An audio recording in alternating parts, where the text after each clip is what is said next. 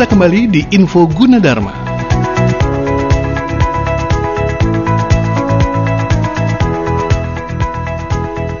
Kembali lagi di Info Yuji nih. Selamat pagi buat sahabat Mega Suara, pendengar Yuji Radio dan pemirsa Yuji TV.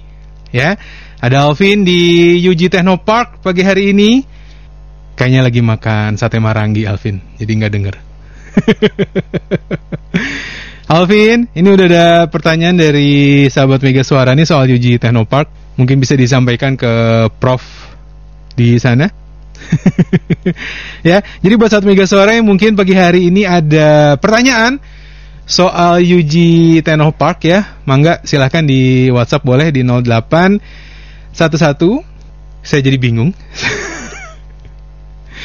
0811 1121 008 Oh ini uh, misahnya beda dia sama yang biasa kita bacain jadi saya bingung 0811 ya 112 1008 gitu ya. Apakah sudah terhubung lagi dengan Alvin di UG Technopark? Alvin, kita dapat gambarnya tapi suaranya belum sepertinya. Alvin? Alvin jangan main tebak kata saya nggak ngerti ya. Saat Mega Suara mungkin yang baru aja bergabung ya. Ini kita lagi ada di Info UG. Didengarkan juga di UG Radio dan tayang juga di UG TV gitu. Jadi Anda yang mungkin mau menyaksikan bisa ya. Nah, seperti sudah terhubung dengan Alvin nih. Halo. Oke, siap. Oke. Halo. Alvin. Nah, ya siap, Dik. Iya, kayaknya lagi sibuk makan sate marangi ya di Eugene Teno Enggak, Park. enggak. Oh, enggak. Oke, oke deh. Oke. Alvin, ini ada Siap, pertanyaan dari sahabat Mega Suara nih. Dari Oke. Burhan di Cibinong katanya. Kalau Yuji Techno Technopark ini bisa untuk umum nggak sih?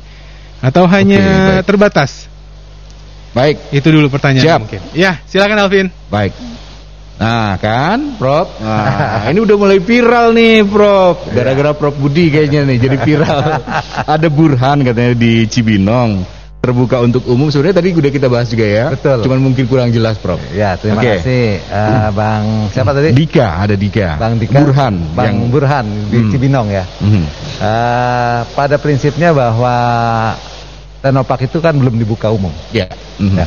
Jadi ada hal-hal yang khusus yang perlu ada pengaturan. Mhm. Sehingga kalau ada masyarakat yang ingin barangkali bisa berkoordinasi dulu. Mhm. Bukan berarti tertutup. Ya. Silakan aja supaya kami juga bisa mengatur. Mhm. Jangan sampai ke sini kita tidak tahu siapa sih tamu siapa gitu ya. Ya, betul. Dengan adanya koordinasi, maka kami juga bisa memberikan pelayanan. Ya. Maksud dan tujuannya untuk berkunjung ke sini. biar Jadi prinsipnya terbuka. dicuekin ya Betul, ya. gitu ya. Jangan sampai ke sini kok ini siapa, ini siapa kan gitu ya. Hmm, Ya kan gitu. hmm, hmm. Karena kita juga ingin memberikan pelayanan yang baik kepada masyarakat sekitar apabila ingin berkunjung ke Tenopak. Ke mana?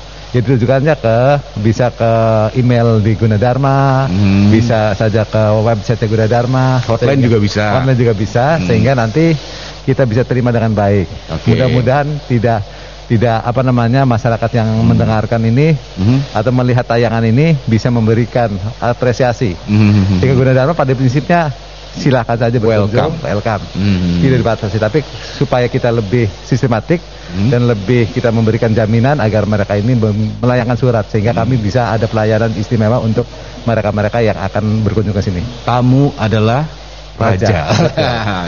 Oke, Prof. Besok ini ada acara nih, Prof. Saya lihat di eh, sosial medianya UGTV, ini ada peluncuran kompetisi inovasi pelayanan publik KIPP tahun 2002. Ini diselenggarakan bersama eh, Kemenpan RB dan juga Universitas Gunadarma. Sebenarnya acara apa nih? Dan di tepatnya acaranya juga di sini ya, Prof ya, peluncurannya ya. Jadi sebenarnya besok itu kedatangan dari eh, apa namanya Prof. Lisa, Mhm. ya, beliau adalah salah satu direktur Mhm, mhm. eh, di Kemen RB, Oke. ya, eh, pelayanan publik, direktur pelayanan publik, Mhm, dan mhm. salah satunya besok itu adalah peluncuran Peluncuran ya. kompetisi inovasi pelayanan publik, mhm, mhm. sehingga diharapkan semua eh, yang berbasis pelayanan publik Hmm. itu memberikan eh, berkompetisi. Iya, iya, iya, iya. memberikan pelayanan terhadap masyarakat. Hmm. Tidak hanya bicara tentang kesehatan, Hmm. tidak hanya bicara tentang pendidikan, semua sektor. Iya, betul. Termasuk di dalamnya bisa saja lembaga kepolisian, Ah. lembaga TNI gitu ya, Hmm. kementerian, Hmm. bisa Pemda kota kabupaten. Hmm. Termasuk di dal- di dalamnya adalah badan-badan atau lembaga pemerintah yang melaksanakan pelayanan publik. Oh, ini nasional ya berarti? Nasional. Oh, nasional. Nah, nasional. Oke. Dan ini sudah hampir tiap tahun Hmm. Launching ataupun pada saat penyerahan eh, tentang eh, inovasi-inovasi ini Mhm. setiap tahun ditayangkan oleh UGTV Oke, oke, oke. sehingga eh, Menpan RB memberikan apresiasi tahun yang lalu kepada Ibu Rektor Hmm. dapat penghargaan karena kontribusinya Hmm. Eh, UGTV dalam rangka memberikan sosialisasi Hmm. eh, untuk semua eh, penerima daripada eh, pelayanan publik yang terbaik. Oke. Kalau berbicara tentang pelayanan publik, saya lihat di Universitas Gunadarma di websitenya juga cukup aktif nih ya, Prof ya. Ada hotline-nya, ada emailnya, ada khusus pendaftarannya, ada sosial medianya juga. Betul. Nah, ini berbicara tentang pelayanan publik yang ada di Universitas Gunadarma, khususnya ini kan mau pendaftaran nih mahasiswa baru. Ah, seperti apa nih pelayanannya, Prof? Jadi saat ini gini Bang Alfi. Saat ini kan Gunadarma eh, bisa saja memberikan pelayanan itu da- datang langsung Oke. ke kampus Gunadarma, Hmm. tapi dengan kondisi Covid begini kan saya menghimbau Hmm. ya, menyarankan agar masyarakat, para orang tua, para siswa, para sekolah gitu Hmm. ya yang akan mendaftarkan siswanya kepada anaknya Mhm. alangkah baiknya lewat online. Lewat online. Bukan Oke. berarti itu tidak bisa ke kampus, bisa. kalau mau lihat-lihat boleh lah. Boleh lah. Mau daftar Ya. juga boleh. Daftar juga boleh. boleh. ya. Tapi saya menyarankan Mhm. dan hemat biaya, Ya. ya. Mhm. Bisa bayangkan hemat biaya itu kenapa? Kalau seandainya online, Mhm. kalau bicara bicara Ya. bicara bicara eh, biaya itu 350.000 ribu. Mhm. Datang ke kampus 500.000 ribu. 500 ribu. Nah ini artinya Oh, ah, biayanya beda, Bro. beda, Kalau datang lebih mahal. lebih mahal. Makanya itu saran saya jangan Oke, lewat oke. langsung. Iya, iya, Ya. iya, iya. Kalau Bang Alvin membicarakan tentang ada di wilayah Depok, Bogor, Bekasi, Tangerang, Mhm. mungkin terjangkau. Terjangkau.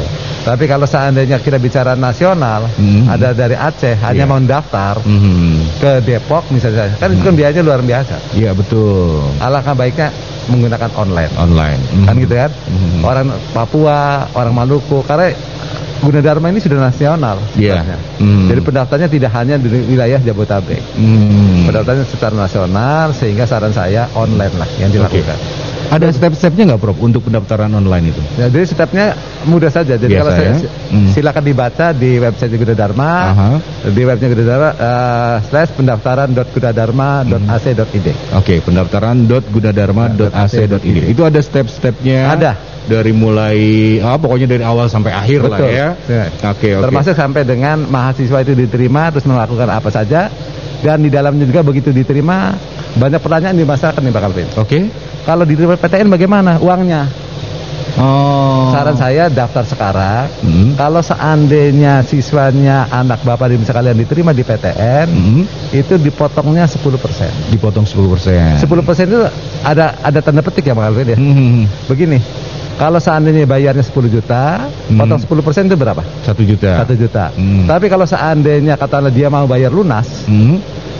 Selama studi di Gunadarma, Oke. katakanlah misalnya 70 juta gitu ya misalnya. Hmm. Kan 10%-nya kan besar, 10 Iya. juta. Hmm. Jadi ada maksimalnya maksimal satu setengah juta. Satu setengah juta. Jadi walaupun bayarnya sudah 70 juta, 50 juta begitu, Hmm. maka dipotongnya hanya satu setengah juta. Oh iya iya iya. Jadi iya. gitu. Jadi Hmm. tidak usah ragu-ragu, tidak usah khawatir Mhm. eh, kepada orang tua, pada siswa sekalian agar segera mendaftarlah di Gunadarma karena kita tahu bahwa Gunadarma adalah perguruan tinggi memiliki akreditasi A Mhm. dan jarang yang memiliki akreditasi A. Ya susah dan, banget. Dan Gunadarma sebagai basic eh, IT, Mhm. saya kira tidak dira- diragukan lagi.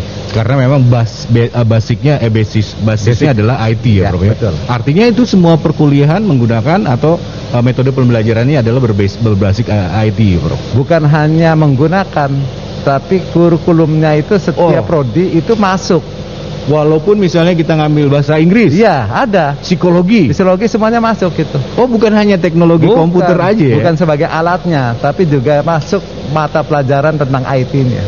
Oh, iya iya Ya, iya jadi iya iya. jangan jangan jangan dikira bahwa oh kalau mahasiswa sastra kenapa ini diajarkan itu? Karena sekarang ini ti- tidak bisa melepaskan dengan dunia IT. Hmm. Ke mana pun kita melangkah, ke mana pun kita ditanyakan, Hmm. Gunadarma itu apa? Oh, IT. Walaupun saya sastra Inggris, saya juga tahu tentang IT. Iya iya. Jadi nilai plusnya di situ. Iya iya Ya. iya iya. Jadi nggak usah khawatir mau psikologi, mau sastra Inggris, sekarang ada lagi sastra Tiongkok gitu ya. Oh iya terbaru. Pariwisata dan seterusnya ada program studi baru, semuanya di dalam kurikulumnya masukkan. Hmm. Ada uh, kurikulum muatan lokalnya dimasukkan. dimasukkan ya. Ya. Kalau tadi eh, Tiongkok itu adalah salah satu eh, program studi baru. Ada Ya. program studi yang lain yang terbaru, Prof? Ah, kalimat baru ini sebenarnya sudah meluluskan nih Bang Alvin. Jadi Oh. jangan jangan salah juga. Jangan ya. salah, betul. Ya, masyarakat seperti tidak Sudah meluluskan. Sudah meluluskan dua dua kali. Mhm. Artinya sudah dua tahun meluluskan. Oke. Jadi ada yang namanya saya urut ya. Misalnya saja ada agroteknologi. Oh ya, agroteknologi. Nah, itu bidang teknologi informasi, itu bidang teknologi industri. Hmm. Kemudian di ekonomi ada namanya ekonomi syariah, Oke. ya. Kemudian di dalam teknik sipil perencanaan ada desain interior. Mhm. Kemudian ada lagi yang namanya di eh, Fakultas eh, Farmasi dan Kesehatan. Hmm. Ada dua, farmasi dan kebidanan. Oh, tadinya bi- kebidanan dulu kalau nggak salah D3 ya, Prof? Jadi ya? tiga sekarang sudah S1. Oh iya iya. Jadi iya. farmasi dan kebidanan. farmasi dan kebidanan. Ya. Mhm. Kemudian tadi di sastra. Mhm. Sastra itu eh, sastra itu ada dua, sastra dan budaya. Mhm. Pertama sastra Tiongkok, Oh. satu iya. lagi adalah pariwisata. pariwisata. Jadi pariwisata masuk ke dalam sastra dan budaya. Oke oke oke. Kalau kedokteran? Kedokteran artinya eh, tadi yang beasiswa tadi saya katakan beasiswa. Oh, iya, iya. Nah, FK itu eh, mudah-mudahan dengan doa semua para pemeriksa Hmm. bulan Maret ini mudah-mudahan sudah ada yang lulus. Sudah ada yang lulus. Oh, tahun ini. Iya, tapi akreditasinya B loh. Iya, kemarin eh, Bu Ade juga cerita, Iya. aku udah B loh. Wih, Iya. mantap. Fakultas kedokteran udah B. Sudah B. Tahun ini adalah lulusan pertama, Pertama. ya, Prof? Iya. Oke, oke. Baik, Prof. Tadi dibilang sama Prof Didin juga bahwasannya pendaftaran eh, dilakukan lebih baik online. Nah, selama pandemi ini kan semuanya serba online, Prof. Ya. Sampai belanja online, pesan makanan online. Kalau di Gunadarma sendiri kegiatan belajar mengajarnya seperti apa selama masa pandemi? Ya, terima kasih Bang Alvin. Hmm. Sebenarnya Gunadarma ini sejak sebelum adanya pembelajaran online Mhm. itu sudah disetting Hmm. ya bahwa setiap dosen itu diperkenankan Hmm. sebelum masa pandemi ya. Oh, Diperkena- ya. diperkenankan Hmm. tiga kali tatap muka Ya. boleh virtual. Ya, saya masih ingat virtual kelas kan, betul. Ah. Nah itu artinya itu dari dulu, dari dulu, betul. Sebelum masa pandemi udah ada. Sudah ada, gitu. Launchingnya kalau nggak salah dari kampus J ke kampus D deh waktu itu Betul, kan. gitu. Oh, Jadi tidak kaget juga Hmm. begitu ada pandemi suruh PJJ begitu ya. Hmm. Ah, ya kami semua dosen sudah siap karena sudah dari awal dengan perkembangan teknologi informasi, Hmm. apalagi sekarang Hmm. Gunadarma itu memiliki superkomputer. Super komputer. Ya. Oh, yang yang di JX1. Iya DX1 Oke. sama DX uh, uh, 100. Oh, oh, ada yang baru Ada lagi. lagi dua malah. Apa namanya, Prof?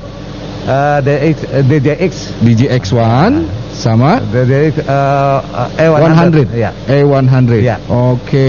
Bedanya apa nih, Prof?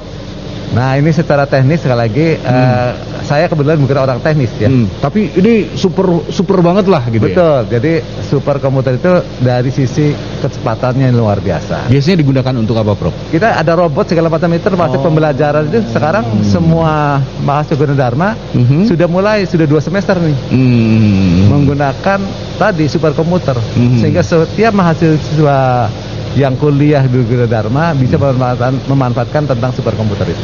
Tidak salah nggak kalau saya mengatakan bahwasannya Gunadarma adalah salah satu kampus yang pertama menggunakan superkomputer. Salah nggak, Bro? Enggak, enggak salah. Iya. Oke, setuju ya? Ya, karena sebelum pandemi uh, pemimpin kami Mhm. selalu melihat si- situasi kondisi begitu ada kesempatan beli gitu Mhm, ya mhm. dan itu langsung dimanfaatkan. Iya, iya, iya. iya. Jadi tidak menunggu. Nah, Mhm. ini, ini fleksibilitas daripada perguruan tinggi swasta ya. Mhm. Begitu ada kesempatan Ya. kami betapa pentingnya Hmm. arti sebuah superkomputer. Superkomputer. Dan di situ kita bicara tentang artificial intelligence. Artificial Ya, intelligence. kemudian juga data uh, science. data science. Oke. Kemudian juga big data. big data. Oke. Ini paling penting karena apa? Sekarang ini kan data itu kan luar biasa. Betul, Jumlahnya. Iya, iya. Bisa iya. bayang apalagi jumlah Gunadarma ini kan jumlah mahasiswanya cukup Hmm. banyak. Hmm. Dosennya yang punya NIDN itu kan 1500-an. Wow. Kampusnya tersebar di mana-mana. Nah, Ini Hmm. pemanfaatan daripada superkomputer Hmm. luar biasa. ya. Oke, oke, oke. Jadi kami sudah leading gitu ya Hmm. dengan perguruan tinggi perguruan tinggi yang lain termasuk dengan perguruan tinggi negeri Hmm. dari jumlah yang memiliki superkomputer. Superkomputer. Baik, baik, Prof. Nanti kita lanjut, Prof ya. Dan pemirsa sahabat eh, UGTV, sahabat MGS TV, kemudian juga eh, pemirsa Radio Mega Suara dan juga Radio Kota Perak. Eh, kita masih akan berbincang-bincang dengan Prof Didin di kesempatan hari ini langsung dari UG Teknopark Cikalong Cianjur. Saya akan kembali untuk Anda dan jangan ke mana-mana. Jangan ke mana-mana, info Gunadarma akan kembali setelah beberapa informasi berikut ini.